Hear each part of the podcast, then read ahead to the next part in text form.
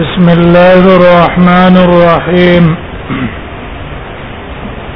الحمد لله رب العالمين والصلاه والسلام على سيد الانبياء والمرسلين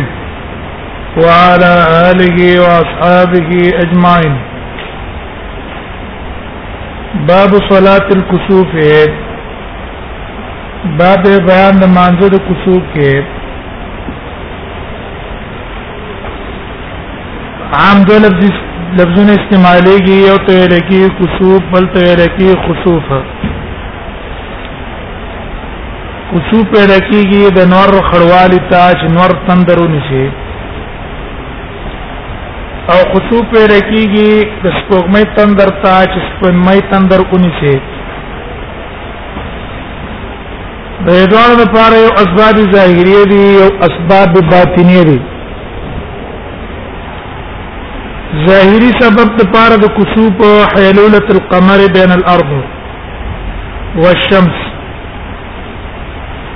د ازمکه د نور او د سپوږمۍ په منځ کې چې حائل واقع شي نو دینه کسوب پیدا شي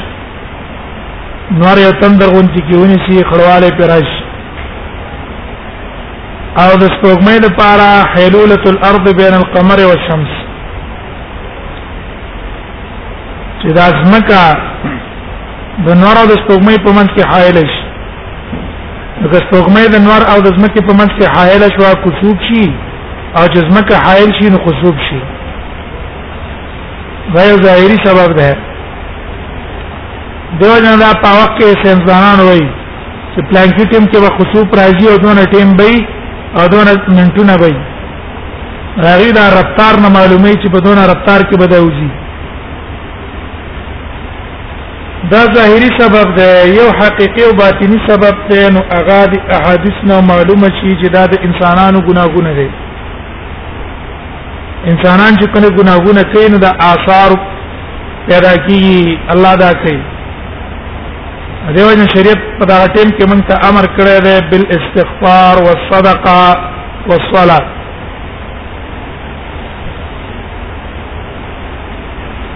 اخبرني من اصدقه وظننت انه يريد عائشه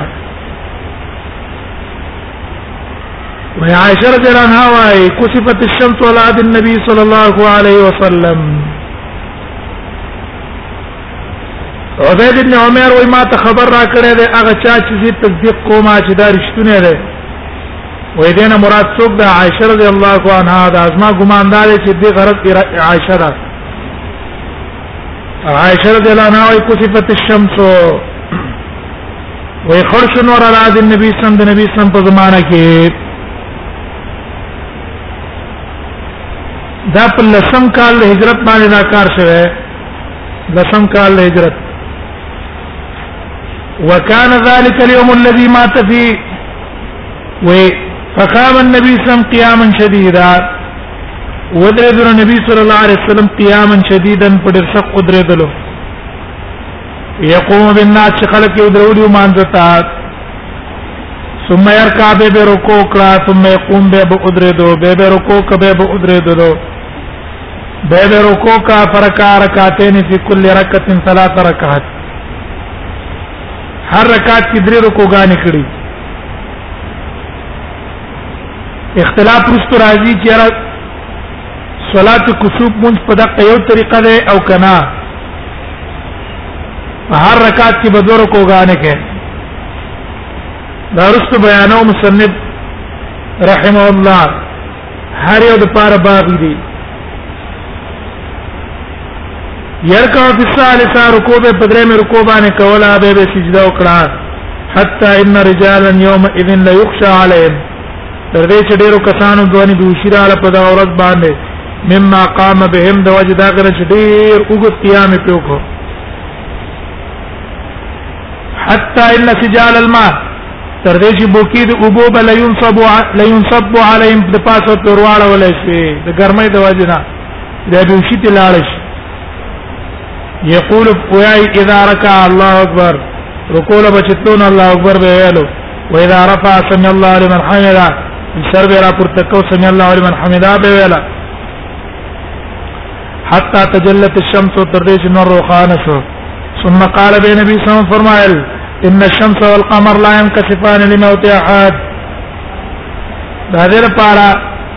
چې د مشرکانو عقیده دا و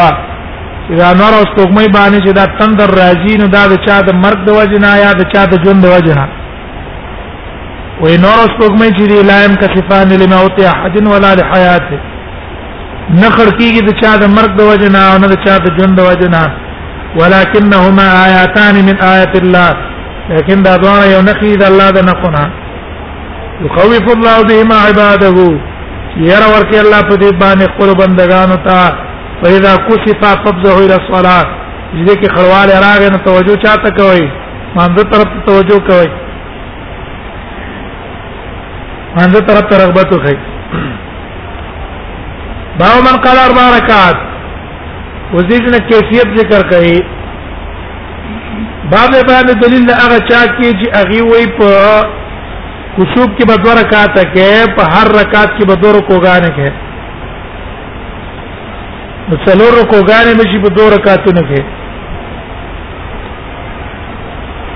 جابر بن عبد الله کو صفت شمت علی عهد رسول الله صلی الله علیه وسلم وې تندر اونې ولو نور په زمانه د رسول الله صلی الله علیه وسلم کې وکانه ذلک اليوم الذي مات فيه ابراهيم ودا ورځ چې په دې کې ابراهيم مړ شوی ابن رسول الله چې رسول الله صلی الله علیه وسلم زیو خلق ویل انما كسفت الشمس لموت ابراهيم دا انور چې خرج شو دا د مرګ د ابراهيم د وجنه خرج شو فقام النبي صلى الله عليه وسلم فصلى بالناس نبی سم پاتې د خلکو ته منځ کو ست رکعات فی اربع سجدات هیڅ د باب سره مناسبت نشته دا د مکه سره مناسب ده ولې چې ترکات په اربع سجدات چې شین څلور څلور رکوع غانې شي کنه درې درې رکوع غانې شي ثم قرأ به قرأت کو فاطال القراءه قرأت یو غو کړو ثم رکعنا قم ما قام به رکوع کو پشان تدا چې دیو درې دلې بیا سر را پورته کړ فقرا نو په دیم کې قرات کو دون القرات الاولى دا اول قرات نه کما بیا رکوع کړ نحو مما قام په مقدار د دیم قیام ثم رفع راسه فقرا القرات الثالثه له سر پورته کړ دریم قرات وکړل دون القرات الثانيه د دیم قرات نه کما دویم رکوع نه جنس را پورته شي نو په دې کې اختلاف دی چې آیا به ته بد سر نه فاتحه وای او کنا چې د کوم صورت په د وای نو امام شافعي امام احمد او امام مالک اغي لا تصح الصلاه الا بقراءتها اذن وای دیم په دیم قرت کې چې رکوع نه سر را پورته کړو به قرت شروع کو به الحمدلله وي که الحمدلله او نه ویلا نو مونږ نه کیږي وجه دا ده چې دا فاتحه بل استلای کیږي قبل کل رکوع هر رکوع مکه او فاتحه وي دا قرت هم د رکوع نه مکه ده زم قول محمد ابن سلامه ده محمد ابن سلمہ ولا يعيد الفاتحه فاتحه بنرا ګرځي بلکې کم زیته چې رسول دی رکوع نه چې راپورته شو نو صورت به شروع کی فاتحه به سر نه نه وای خدای چې به فاتحه وای چې د اختلاف نه سره کوزي ثم ركان حمما قام ثم رفع راسه فانحدر للسجود ولار سجدي ته فسجد فسجد سجدتين فسجدي وکړل ثم قام فركع ثلاث ركعات بیا را پات سن درې رکوګان او کړې قبل ان یسجد مکر سجدینا لیس فی حرکت نو پای کې ورکو الا التي قبل اقوال مگر هغه رکو چې دې نه مخکې هغه وګدوا من التي بعد دا رکوونه چې ورپسې بوا الا رکوعه الا ان رکوعه نحو من قیامه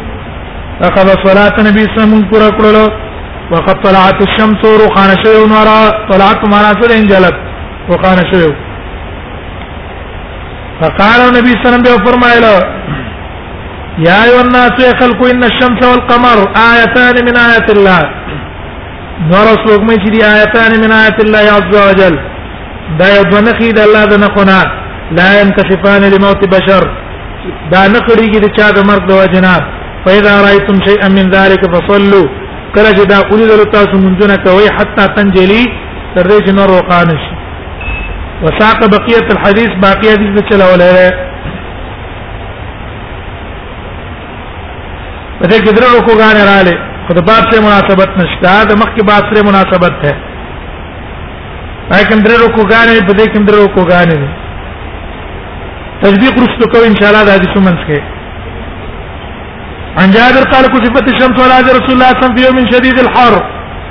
وي خرش نور په زمانه د رسول الله صلى الله عليه وسلم کې په ورځ کې دا چې ورځ کې چې ډېره سخته ګرمي والا فصلى رسول الله صلى الله عليه وسلم اصحاب النبي صلى الله عليه وسلم قل صحابه ته منځ کو فاطال القيام او قيام کو حتى جعلوا يقرون تر دې شروع شاغي چې را غردېدل را غردېدل ډېر د ګرمۍ د وجه نه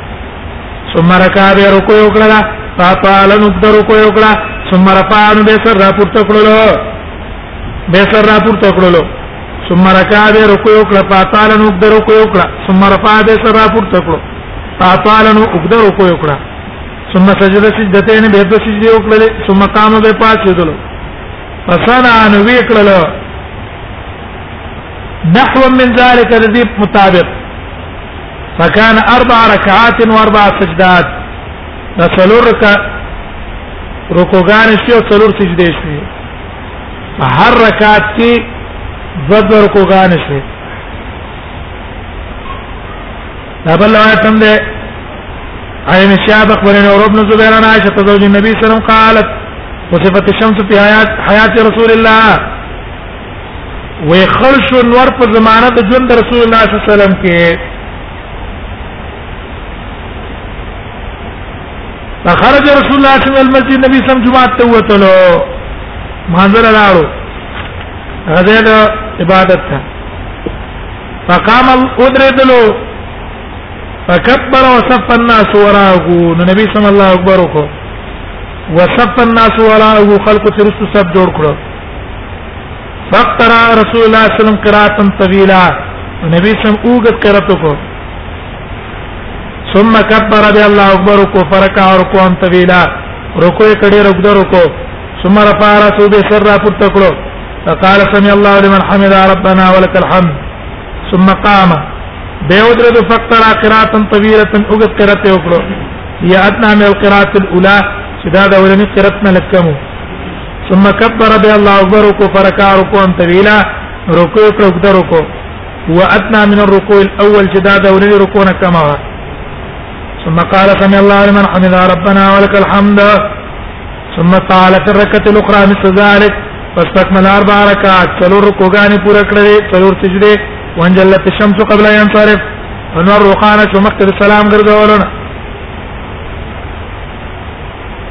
نو درم روایت راوړي د عبد الله ابن عباس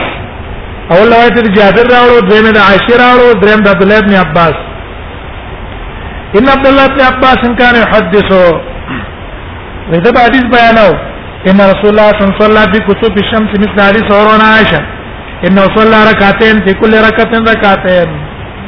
دو رکعات وکړو پر رکعات کې دو رکوع غانې وکړې يبل روایت دی ابي جعفر الرازي قال ابو داود حدثت عن عمر بن شقيق او ما ته د حدیث د عمر بن شقيق نه هم بیان شوه حدثنا ابو جعفر وهذا لفظه وهو اتم عن الربيع بن انس دو استاذان شو یو سند او په بل سند انا بالعالي انا ابي بن كعب قال انكسفت الشمس على عهد رسول الله صلى الله عليه وسلم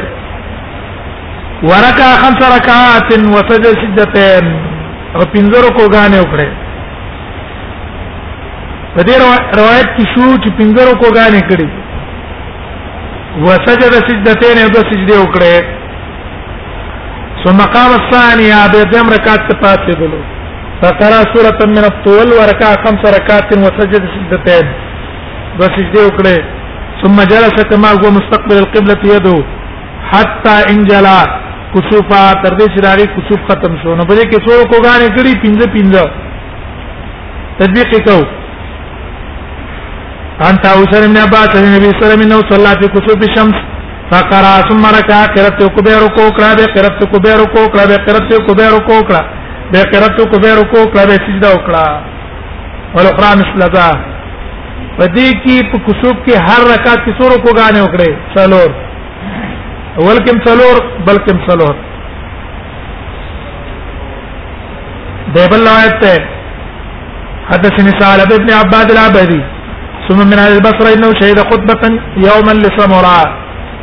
واذا زرشما يورد خطبه سمراء ابن جندب ته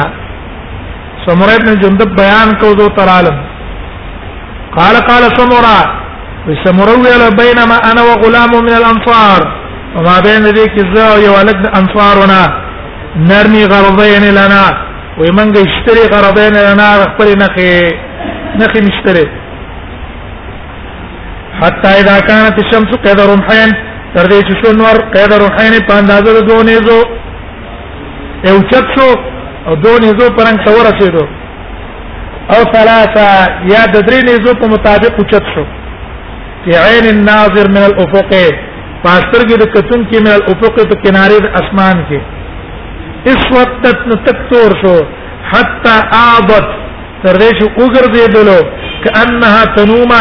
گویا چې دا ونه د سنوبر ده تنومه څه ته ویل کی دا ونه دا ونه تک تور بوټی دی تنومه هغه ته وایي تک تور غیا ده او تور تور دانه پاره کی گویا کې هغه ده فقال احدنا لصاحبه نو ویل یو تنز من خپل مرګری تا یو ته ما ویل یا غرا ته ویل انطلق بنا الى المسجد بو زمون جمعه تا فوالله لا يحدثن قسم الله پیدا کوي با شان هذه الشمس نور دې شان دې نور لرسول الله صلى الله عليه وسلم د پاره د نبی صلی الله عليه وسلم په امته دا په امت کې حدثن یو نه کار څه چل خو به کوي نبی سم به ناشنا کار بوس کوي ځکه ناشنا واقع رااله قال فتفينا من غلاو فاذا هو بارد النبي سم بار تلاوتلو استقدمان مخکشو طلب ته مخکی والي وکړو یا مخکی شو فصلى نبی صلی الله علیه وسلم منځ کړو فقام بنا اکثر ما قام ودرې نبی صلی الله علیه وسلم منتا اطول ما قام بنا دون اوګت چې هیڅ کله مونږ ته مونږ نه راکړای قد هیڅ کله پمانځ کې لا نسمع له صوتا مونږ د نبی سم आवाज نه اورېدو د دې کې مثلا دا دا چې صلات کسوب کې به جهر کې د قرات او کنا قرات په پټه باندې کې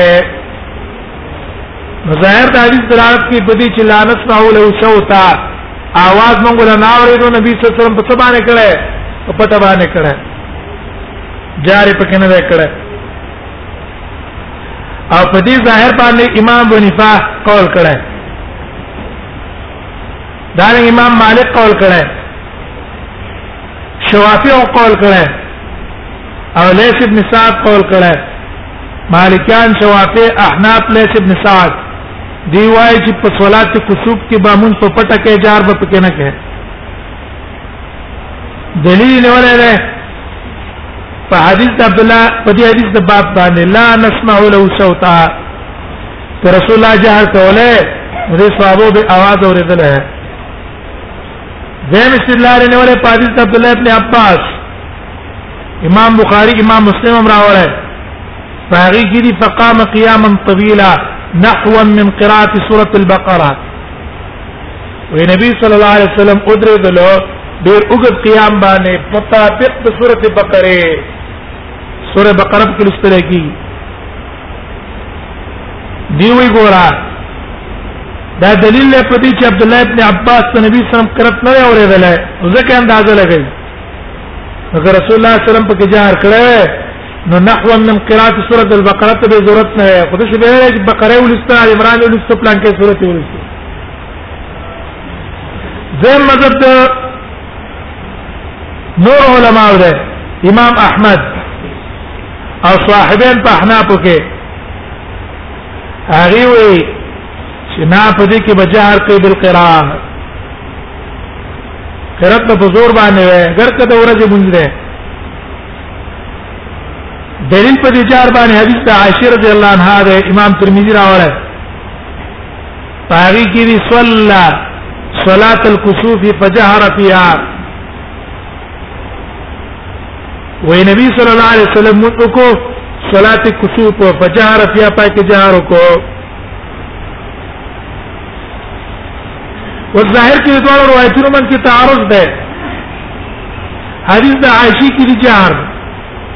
حدیث د عبد الله بن عباس او د سمره بن جندب کې دي چې جار نه نه کړه نو موږ را لګیږو وایو چې ټول روایتونو من کې منافات نشته یا خدا واقع متعدد شوه صلات کسوب د نبی سم په زمانه کې متعدد شوه دیو جن کیفیت د صلات متعدد دي درو کو غانم کړي درې رکو غانم کړي څلورم کړي پنځم کړي دي بیان له جواز دا ټولې طریقې جایز دي لکه رسول الله صلی الله علیه وسلم وتر په مختلفو طریقو نقل یو درې پنځه و نه نو دغه څه دام شو خدا تاسو صورت کې ذکر واقعا متعدد واخلې چې صلا کسوب ته نبی سم په زمانہ کې بار بار شوی لیکن که کسوب متعدد و نه خلې لکه دا قول راجح دی ولې د نبی صلی الله علیه وسلم مدینه ته چې راغلی ټول لس کال دی نو په دې لس کال کې دونه وخت کسوف نه راځي څنګه کیږي دا کوڅو په د جزر در یو بل سره راځي چې دا مو شو بیا مو شو بیا مو شو او نبی صلی الله مختلفو طریقو په کې مونږ ادا کو بلکې په لسم کال د هجرت د نبی صلی په زمانه کې کوڅو شوی دی نو چې ترجمه مونږ دی لور کو چې تا واقع متعدد نه واقع یو ځل شوی دا نو بیا تعرض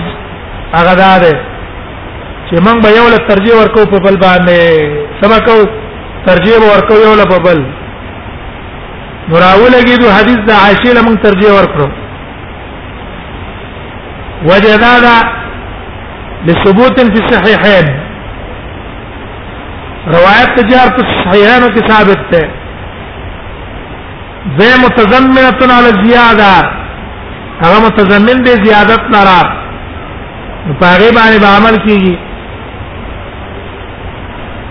عائشه رضی الله عنها مثبته ده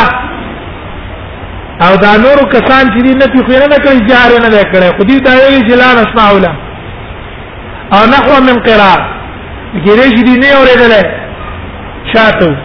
او عائشه رضی الله عنها اورېدل او قاعده دا چې مثبت مقدمي پناتی نو دیو جن جار پکې افضل اولاد چې سره پکې جارو کی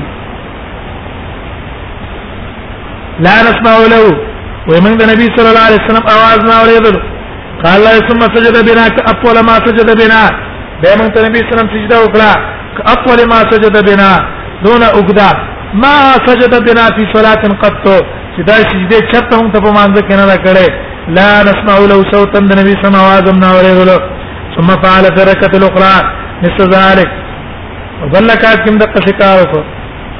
قال لا يتوافق تجلي الشمس موافق راغی روخانه د نور سره جلوسو په رکعت الثانيه ناس ته په دیم رکعت چې څنګه په تحیات الله کې ناس ته نورم پات شو ثم صلى وسلم وغرض ثم قام فحمد الله واثنى عليه به پات حمد الله ویرا ثنا ویرا په الله وشهدا او شهادت ورکو دې خبر چې الله الا الله وشهد ان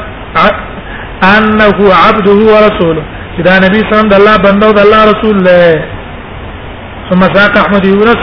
خطبه النبي صلی الله علیه وسلم خطبه چلوله امام شافعی په ظاهر د حدیث باندې قول کړی دی استحباب الخطبه فی الكسوف په کسوف کې خطبه سنت تا سره د خطبه وایي امام ونفا امام مالک یو روایت دی امام احمد هغه وی ليس في الكسوف خطبه په کسوف کې خطبه نشته ابن قیم رحم الله او یې قول ترجیح ور کړې هغه خطبه وی دی تنو نبی صلی الله علیه وسلم چې الشمس والقمر آیاتان من آیات الله لا ينكسفان لموت احد ولا لحياته دغه خطبه وینو دا دونه بیان چې کو دې بیان ته څه لګي چې ته خطبه لګي نو خطبه ول په سنت دي چې سره په خطبه وږي دی ولا اتم دی انا خلابا قبيس الهلالي نو قبيس الهلالي نه روایت ده قال كشفت الشمس على عهد رسول الله صلى الله عليه وسلم فخرج فزعه وصل النبي صلى الله عليه وسلم يرى يجر صوبه جانبا بسراخ كلا وانا ما اخذ اسرو مبدا ورث مدينه کې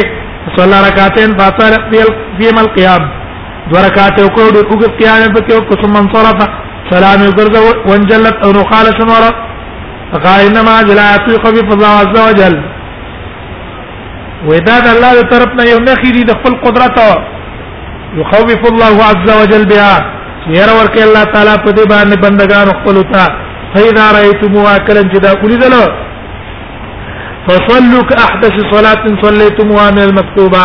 نو کې هغه شان مونږ چې تاسو تازه کړی د پرځي مونږ احدث صلاه څه ده سار مونږ ده کنه په دې سار مونږ په شان یو کې سار مونږ کې دوه رکعات دي یو رکوع نه پکې دغه سره هغه په شان یو کې اوس روایتونه په کیفیت د صلات کسوب کې مختلف دي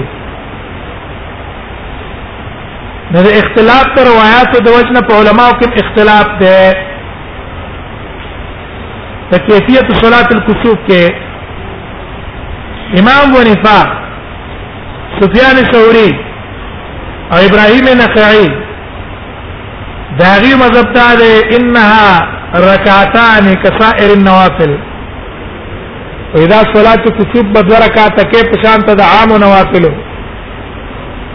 هر رکعت کې به ورکو کې دلیل په دې حدیث باندې نه ولا ک احدث صلات صلیتموها من المكتوبه نو نبی صلی الله علیه وسلم احدث صلات کوي او سار مونږ کړه دغه دا نور خاطر ورستو دا چل شوی دی او احدث صلات کوم مونږ شو اقصار مونږ شو دا غي پشان یو کوي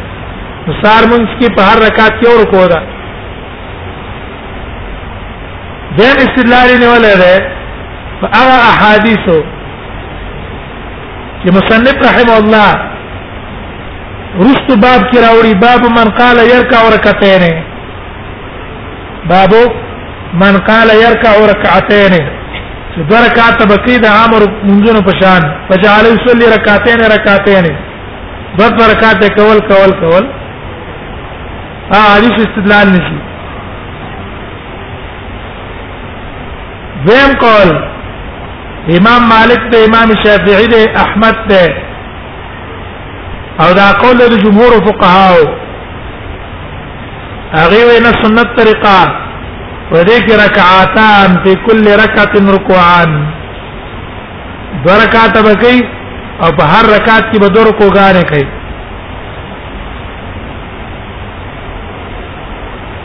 د وجه د دغه احادیثونه چې پاتې دو رکوعانې راغلي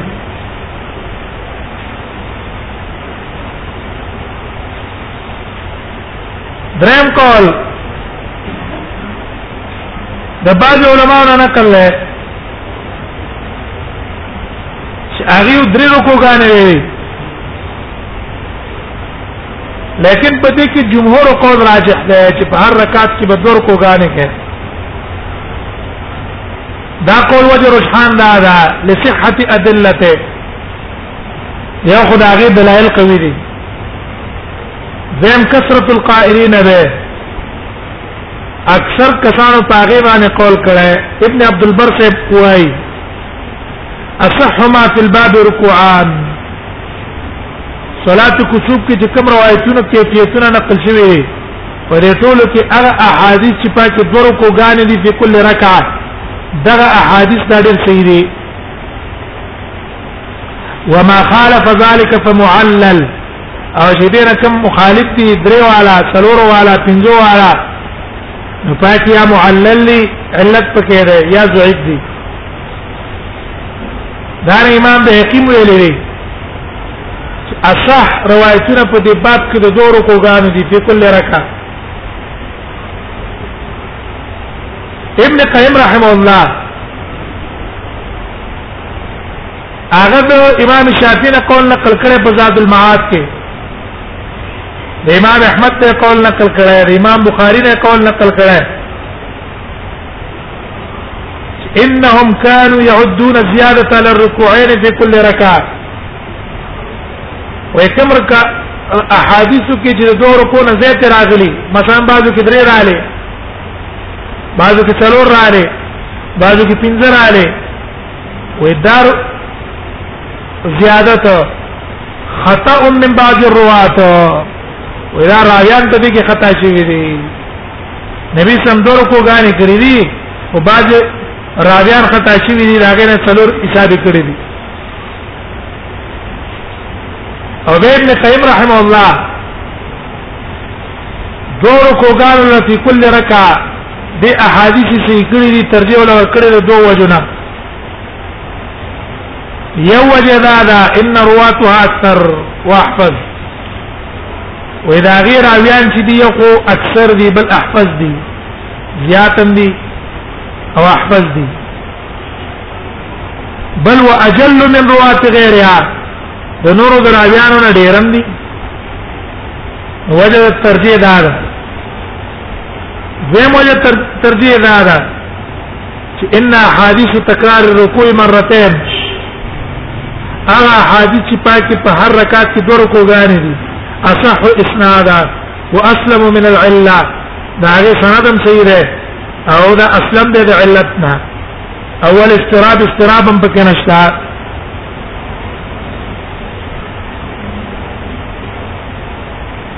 زم خدا په صورت کې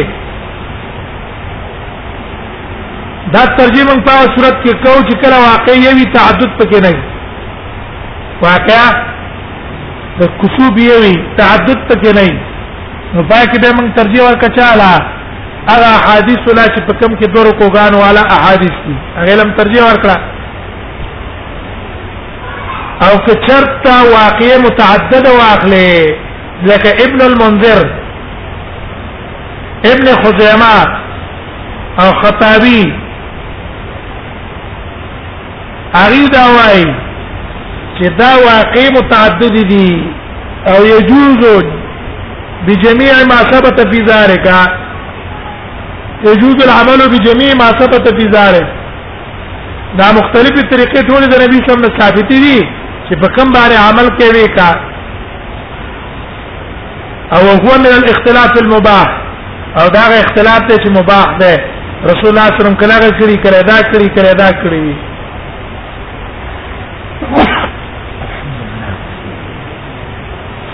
امام نووي په شرح د مسلم کې دا دیم دیم قول ترجیح ور کړی دیم ترجیح نه لیکن نو اولنو علما ترجیح اول قول له دیو جنا ورکړي چې دا دونه کسوب په لګه زمانہ کې وبس څه نه کیږي دا نه کیږي اول کسوب په لسم کال لاغله اول کسوب په لسم کال او په یو لسم کې رسول الله پات شوی په یو کال کې دنه کسوبونه دونه نور تراجینا عادتن نو دیو جنا اولنی قول باندې قول کړی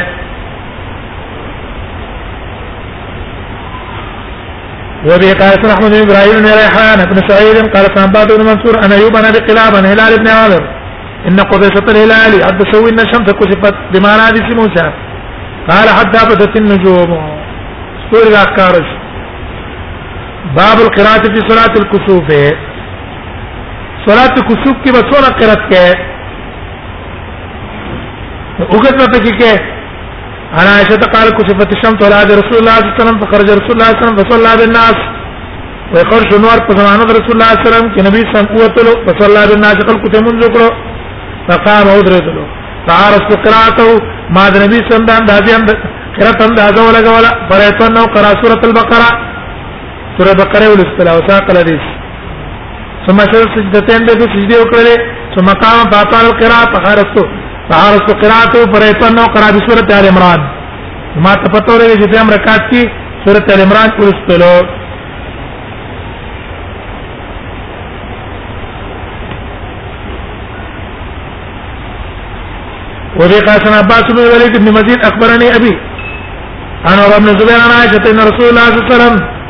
قرا قراتن طويلا ونبي سم قرات کو اوګر قرات وجهر بها يعني في صلاه الكسوف ورده کې جار راغې حدیث د عاشق جار راغې کړه وجهر بها مخکې موږ سره بیان کړه مثبت دا مثبت مقدمه پناتي عطا ابن يسار رضي الله عنه روایت في خطبة الشمس فصلى رسول الله صلى الله عليه وسلم فقام قياما طويلا من أحوال من سورة البقرة ثم ركع وساق الحديث كم جو جهر پکې نشته ناغي کم ته کتلې بنحو ته کتلې باب اينادى فيها بالصلاه کوڅوک چې شو اېدا اعلان کولای شي چې علا کراشي جم مستعار راشي دا کولای شي کنه دا مسله ذکر کړي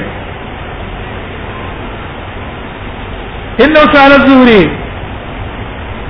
و عبد الرحمن ابن نمر تپوس د زهري نه وکړو چې اعلان کولای شي کنه دا مسله تپوس ته وکړو قالت قال زوري زوري اخبرني عروان عائشه قالت كسفت الشمس فام رسول الله صلى الله عليه وسلم فنادى ان الصلاه جامعه دا اعلان کولش ويمند اثر دی راشي باب الصدقه فيها بعد بیان ترغیب د صدقې په دې کې صدقات ورکول پکار دي صدقې سره مصائب او مصیبتونه پتون لري کیږي انا شام نوران نوران عائشه تين النبي صلى الله عليه وسلم قال الشمس والقمر لا ينقصفان لموت احد نور اسوک مې نه خلقيږي د چا د مرګ د وجنه ولا لحياتي نه د چا د ژوند د وجنه فاذا رايتم ذلك فضل الله عز وجل کله چې داشینه تاسو ولیدل الله نه دعاګانې غواړي وکبروا وتصدقوا او الله اکبر وی وی وتصدقوا صدقه مور کوي باب رزق فی باب بیان ده چې په کوڅو کې غلامان آزادول پکار دي چې دا سبب شي د پاره د صفای د نور فاطمه روایت کې د اسمانه قال دا وی کار نبی سمع امر بالعتاقه فی صلاه الكسوف ونبی سم به حکم کو په غلامان آزادولو په صلاه الكسوف په صلاه الكسوف کې دا من قال هر کو رکعتین دا چا دلیل چې هغه نه په دوه رکعاته بکې دا منځونو پرنګ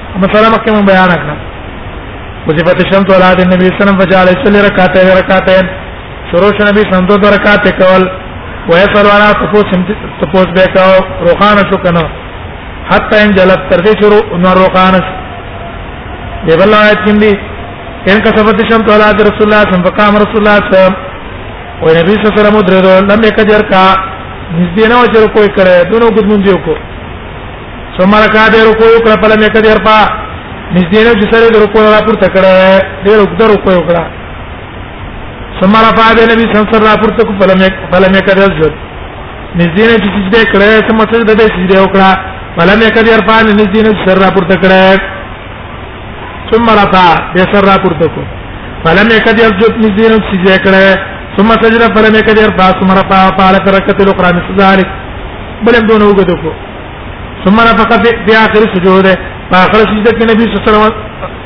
سینه आवाज وستلو ویل اوف اوف به ای رب علم علم تعیدنی و یتاما سوادر نه کړی الله تعذب او مو انا پیم ته بول عذاب نه ورکه زب کې موجوده ما زما دې امت تبع عذاب نه ورکه علم تعیدنی الله تعالی سوادن وکړي الله سواد دی په عموم استغفرون ته ول عذاب نه ورکه په چال کې دی استغفار غواړي دې کو استغفار غواړي چې پکې موجود دی ما ففزع رسول الله صلی الله علیه وسلم من صلاه النبي صلی الله علیه وسلم ففرغ رسول الله صلی الله علیه وسلم فارغ سره مانځنه وقد امحصت الشمس خلاص شوی نور د کتوب نه وساکره ویسه بينما انا ترمى بيصم عبد الرحمن بن سوم په ما بین کې ما استل غسل را یا آیات رسول الله صلی الله علیه وسلم په ژوند کې اس اس کتابت شمس نه تفقد شنور فانا بسونا قشم غردول وقلت ومن الان ذرن ما احفظ لرسول الله صلى الله عليه وسلم في كتب الشمس اليوم زب ګورم هغه خبره چې پیدا کړې نبی صلی الله علیه وسلم د پاره په کتب الشمس اليوم هغه شی په دې خوای د نور کې نن ورځ د نن ورځ چې کوم عمل پیدا کړی نبی سلام ته وګورم چې کوم عمل کوي پنته یې ته د نبی سلام ته ورالم هو رافع یې نبی صلی الله علیه وسلم پورته کړی سبح سبحان الله الحمد لله لا اله الا الله دعا کولا حتى حسران الشمس زي چې نور وقانه شو فقرا بسورتين ورکا رکعتين د سورتين په دولس رکعات مکړه باب صلات عند الظلم باب بیان د مانځ کې د ظلم په وخت تیار کې اې د ورځې سخت تیار راشي نو دی وخت مون سنت ته چې سره سنت وکي په دې ظاهر د باب باندې شوافیون قول کړی دی وې زلزلہ رااله تیار رااله یا نور څه آیات را ناشنا په دې ټیم کې موږ کول سنت دی دیم قول حنابلہ ده حنابلہ وی چې کله زلزلہ وګدا شو نو په دې ټیم کې موږ کولای شو په نور شینو کې نشي کولای امون بکې د کتب په شان امام مالک وايي وی په غیر د کتب نه په نور ټیمونو کې مونږ ټیک نه ده لیکن مذهب د شوافی او راجح دی کان ظلمتنا علی دیانت ابن مالک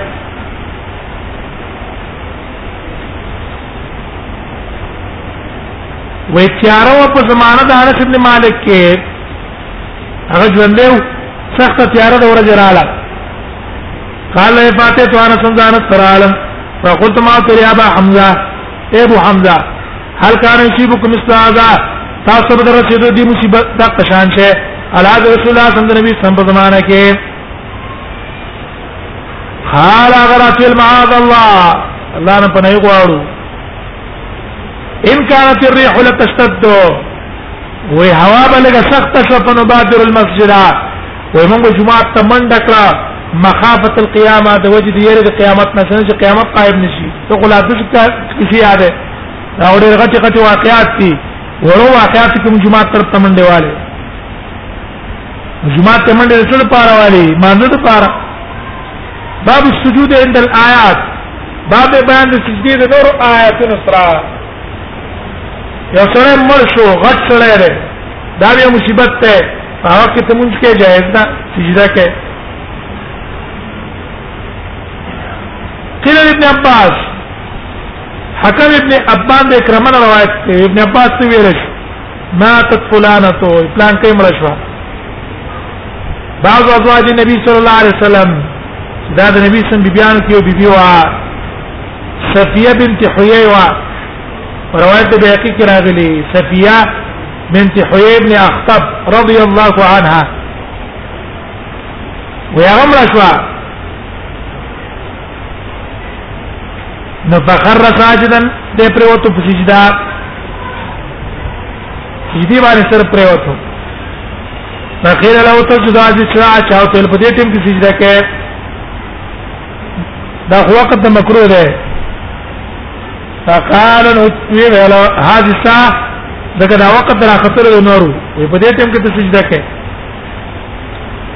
هغه ته ګوره قال رسول الله صلی الله علیه وسلم فرمای اذا رايتم آیه فسجدوا وکړه چې تاسو لیدل یو نه خفض جلو سجده کوي وأي وأي آية أعظم كما يوانا خد دير غتا من ذهاب أزواج النبي صلى الله عليه وسلم بيان المرغنا نبی سم بیبی چې لار دینه بل غټه نه خشتانا تفریح ابواب صلات السفر تفصيلات ابواب صلات السفر وزید رستو د سفر بعض احکام دي چې حالت د اقامت نه جدا دي نو مصنف رحم الله دا غیر پار اوس مستقل ابواب دي تفصيلات د ابواب صلات السفر باب صلات المسافر بعد بیان د منځ مسافر کې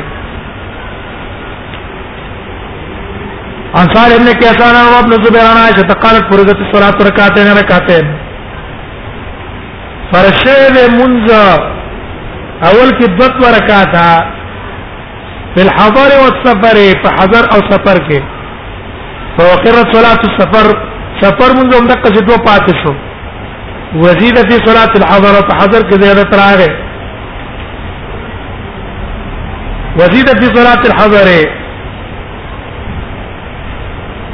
حضر کې زیادت راغله ده ما عدا الصبح والمغرب سار من کې زیادت نه راغله او ما خام کې زیادت نه راغله وزید فی صلات الحضر دا کله شی د هجرت نه بعد روایت بخاری کې دغه څه دی دا د حضرت راغله ظاهر د حدیث نه معلوم شو چې په سفر کې اصل دوه رکعاته فرض دي څلور نه دي اصل په سفر کې دوه رکعاته فرض دي څلور نه دي نو چې دوه فرض دي او ته دوه کې دا دوه رکعاته عظمت ته رخصت نه رخصت معنا دا ده چې اصل څلور دي خو تا ته شریعت اجازه درکړې ده کته دوه کې وې کا څلور کول له بهتر دي که په دوه باندې عمل کې جائز او عزمت معنا دا ده چې دوه در باندې فرض دي دوه کې لکه مثلا د خپو انزل فرض دي او کته موضوع جرابه واچول مسد کې دا رخصت ده هغه سره راولګي د موزي وباسي او جرابه وباسي او په ان دي نه عمل لکنه عظمت باندې عمل افضلی رچارا رخصتنا ظاهر د حدیث ته معلوم چې دا موږ عظمت ته چې عظمت شو نو د دوه رکعاتو نه زیادت جایز نش خلاف ولا شو او په دې ظاهر د حدیث باندې قول عمر بن خطاب کړه علي بن ابي طالب کړه عبد الله بن عباس کړه عبد الله بن مسعود کړه او دا د احناف مذهب هم ده وې دوه رکعات به کې په سفر کې د دوه رکعاتو نه زیادت جایز نه ده بیا د احناف مذهب په بنا ده که دوه رکعات دې کو قاعده دې اونک او پاتې لري اذرم رکعات زم مقید کو پر کو په سجدي دامن دي باطل شوبې ته ډرا کړ دې دا دې نه پل شوبې ته موږ را کړ دې هغه دوه قاعده نه رسته پاتې دي نو دوه دې پر شو دوه دې رسته څه شو نه پر شو او دا به بنا کړه او په دې حدیث باندې استدلال نه ولا فوقر الصلاه السفر وزيد في الحضر اول کې سفر منځ رکعات پر شوی دی هغه هم دغه څه پاتې شوی دی او په دې نور اوقاتو کې زیادت راغله صرف ماقام او سار کې زیادت نه راغله توجه د حدیث د عائشه نه په ابن حبان کې راغره سنت ابن حبان کې چې ما قام او صار په دې کې زیادت نه راغله زم استدلال دی ولې په حدیث د عمر دا ورپسې رسو را روان دی چې عمر نه ابن حبان امراوله نسائم راوله ابن مجد ابن ماجه امراوله وی رسول الله صلی الله علیه وسلم فرمایلی دی صلات السفر رکعتان صلات الاسحار رکعتان وی د سفر مونږ هم دوه رکعات ده صلات الابحار غټ اختر مونږ هم دوه رکعات ده صلات الفطر رکعتان او د کوټ اختر مونږ هم دوه رکعات ده و صلات الجمعه رکعتان او د جمعې مونږ هم دوه رکعات ده تمام غیر قصر على نسال نبيكم دا پوره مونږ په دې کې قصر نشتا وجبه د پیغمبر ستاسو کې وګوره دې معلوم شي دا برکاته عظیمت ته پوره دي دریم دی وای کل من را صلاته روا صلاته فی السفر سونه کسانو چې د نبی صلی الله علیه وسلم په سفر کې نقل کړي نو هغه د نبی صلی الله علیه وسلم نه قصر نقل کړه نبی صلی الله علیه رکعات کړی څلور نه دی کړی نو فلو کان فرض المسافر اربعه چرته مسافر پر څلور اصل وي او دو رکعات رخصت وي لما ترکو صلی الله علیه وسلم دائما نبی صلی الله علیه وسلم باندې شاه عظمت نه پرې خوشتله چې په رخصت عمل کول عظمت تم کړه عمل کوله اوس خبره پیښ وي نو نه زیادت باندې کې زم قول مالکیانو ده او شوافیو ده او دا د عثمان ابن عفان نم نقل له امام ابو داود ته نقل کی سعد ابن ابي وقاص نم نقل له دا عائشه رضی الله عنها نم نقل له او د امام احمد قولم ده د ابو ثور هم ده هغه دا قصر رخصت ته څلور رکعات عظیمت ته سفر کې څلور رکعات فرض دي خو شریعت مونږ ته اجازه راکړې ده د څلور په ځای د دوو کولو او ان الصلاه فرضت اربعه مون څلور پر شوه ده استدلال یو اغي په آیات نیولې ده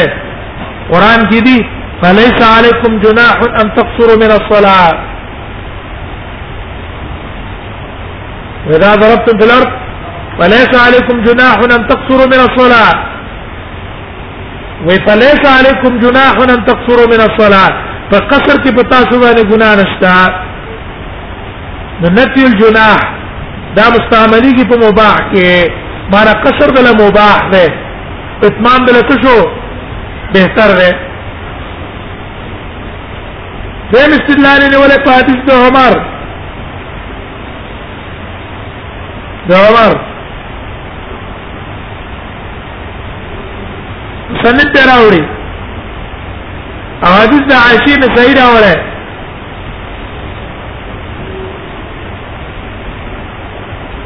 عمر روایت کوم نه ورپسې وي صدقه تصدق الله عز وجل بها عليكم فاقبلوا صدقتا نو صدقه پڅ کی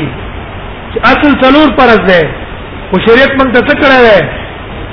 صدقه را باندې کړی د خیر د څلور په دې دوه کولای شي درم استدلال یې ولې پاتې عائشہ رضی الله عنها امام نسائی راوړی امام دار قطنی راوړی عائشہ رضی الله عنها وايي خرجت مع رسول الله صلی الله علیه وسلم في عمره في رمضان وی نبی صلی الله علیه وسلم سلام عمره ته پر رمضان کې فافتر وصمت نبی صلی الله روزه ما تکړه ما روزه نیولا وقصر واتممت نبی صلی الله علیه وسلم قصر کو ما اتمام کو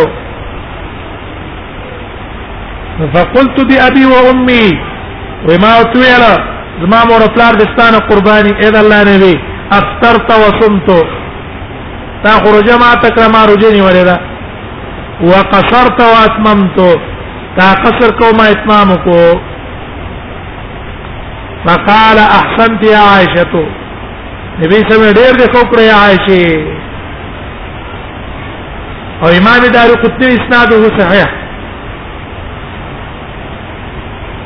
دریم وی عثمان مکی ته چې راغلی څلور رکعات کول څلور رکعات په مینا کې دا روایت ته مسلم ابو داود کې با راشي او دې کسانو جواب ورکړی دی د حدیث د باب او حدیث د عمر نه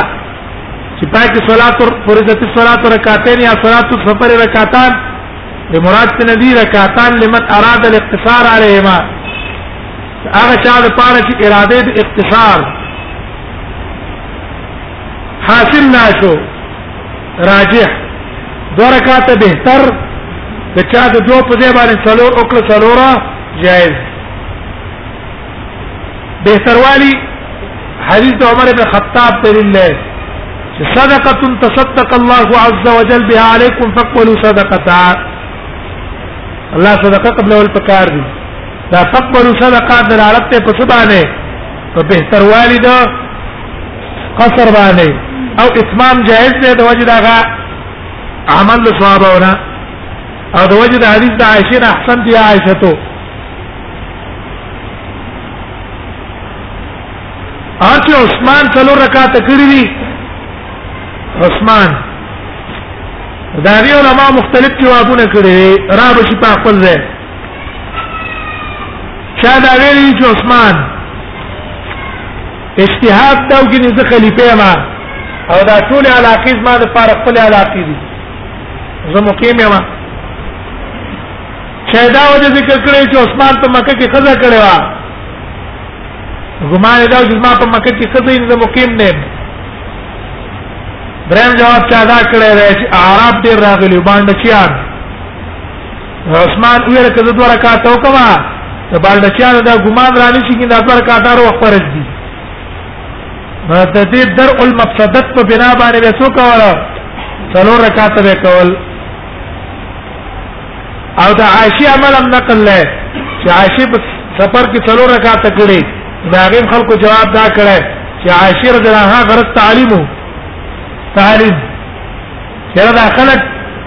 دا چرته زده نه کیږي په رکعات دي بلکې مونږ پنځه څلور رکعات فرض ده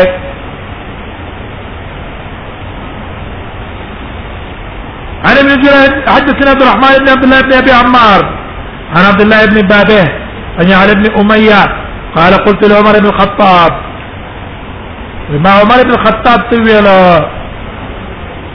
عمر بن الخطاب ته ارایت اکثر الناس الصلاه خبر را کما را مبارد لندولو د خلکو مانزل را اې دا خلک په دې مانزل کې څلور په دې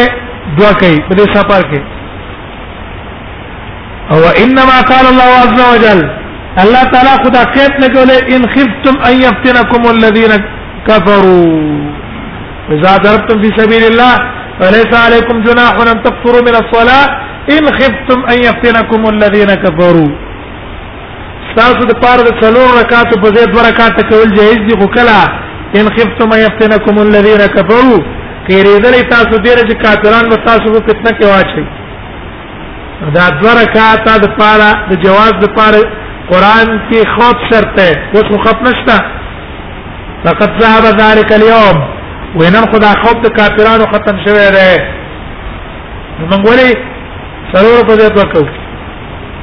قال ابن عمر بن الخطاب ویل عجبت مما عجبت عجبت منه ما دا که څه تعجب کو دې آیات نه ته هغه نه چې تاسو تعجب کو ما دا ګمانو فزلال النبي صلی الله علیه وسلم ته ویل فذكرت ذلك لرسول الله صلى الله عليه وسلم ما دا خبر نبی صلی الله علیه وسلم ته ذکر کړه